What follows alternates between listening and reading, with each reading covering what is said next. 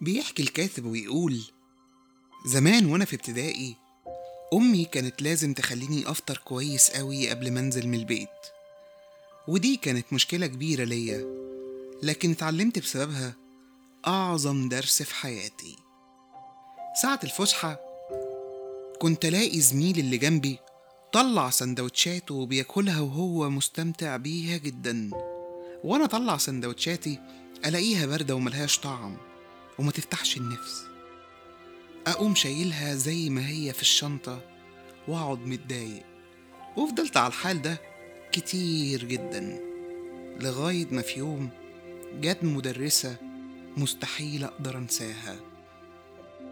كانت بتتكلم مع كل واحد فينا كأننا كبار ودايما مبتسمة وبتعاملنا زي ما تكون أم لكل طفل فينا في الفصل.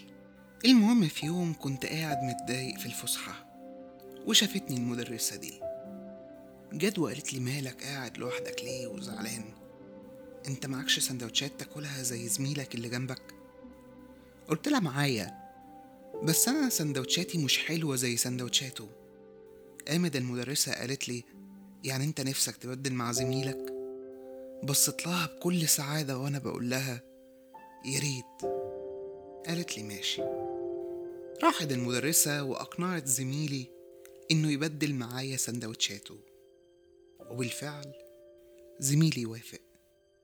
لكن ساعتها حصلت حاجة غريبة جدا. لما جيت آكل سندوتشات زميلي لقيتها عادية برضو وملهاش طعم زي ما كنت فاكر إنها هتبقى مدهشة وحلوة جدا. المدرسة لما لقيتني سبت السندوتشات تاني قالت لي أنا حبيت أثبت لك إن العيب مش في السندوتش اللي معاك العيب جواك أنت. أيوة جواك أنت. طول ما أنت شبعان مستحيل تحس بنعمة السندوتش اللي معاك وتلاقي متعة لما تاكله. زميلك علشان بياكل وهو جعان فعلا بيلاقي الأكل حلو جدا. وانت بتلاحظ انه مستمتع قوي بأكله. مستحيل تحس بقيمة النعمة اللي معاك طول ما انت مش حاسس بقيمتها.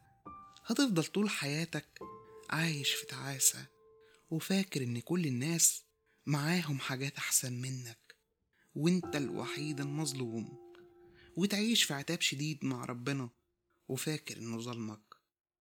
صدقني لو بدلت حياتك مع حد ساعتها هتعرف إنك في نعمة مش عند حد. هتعرف قيمة النعمة اللي معاك لما تنحرم منها. أنت غني باللي معاك بس ناقص إنك تتعلم تشكر ربنا.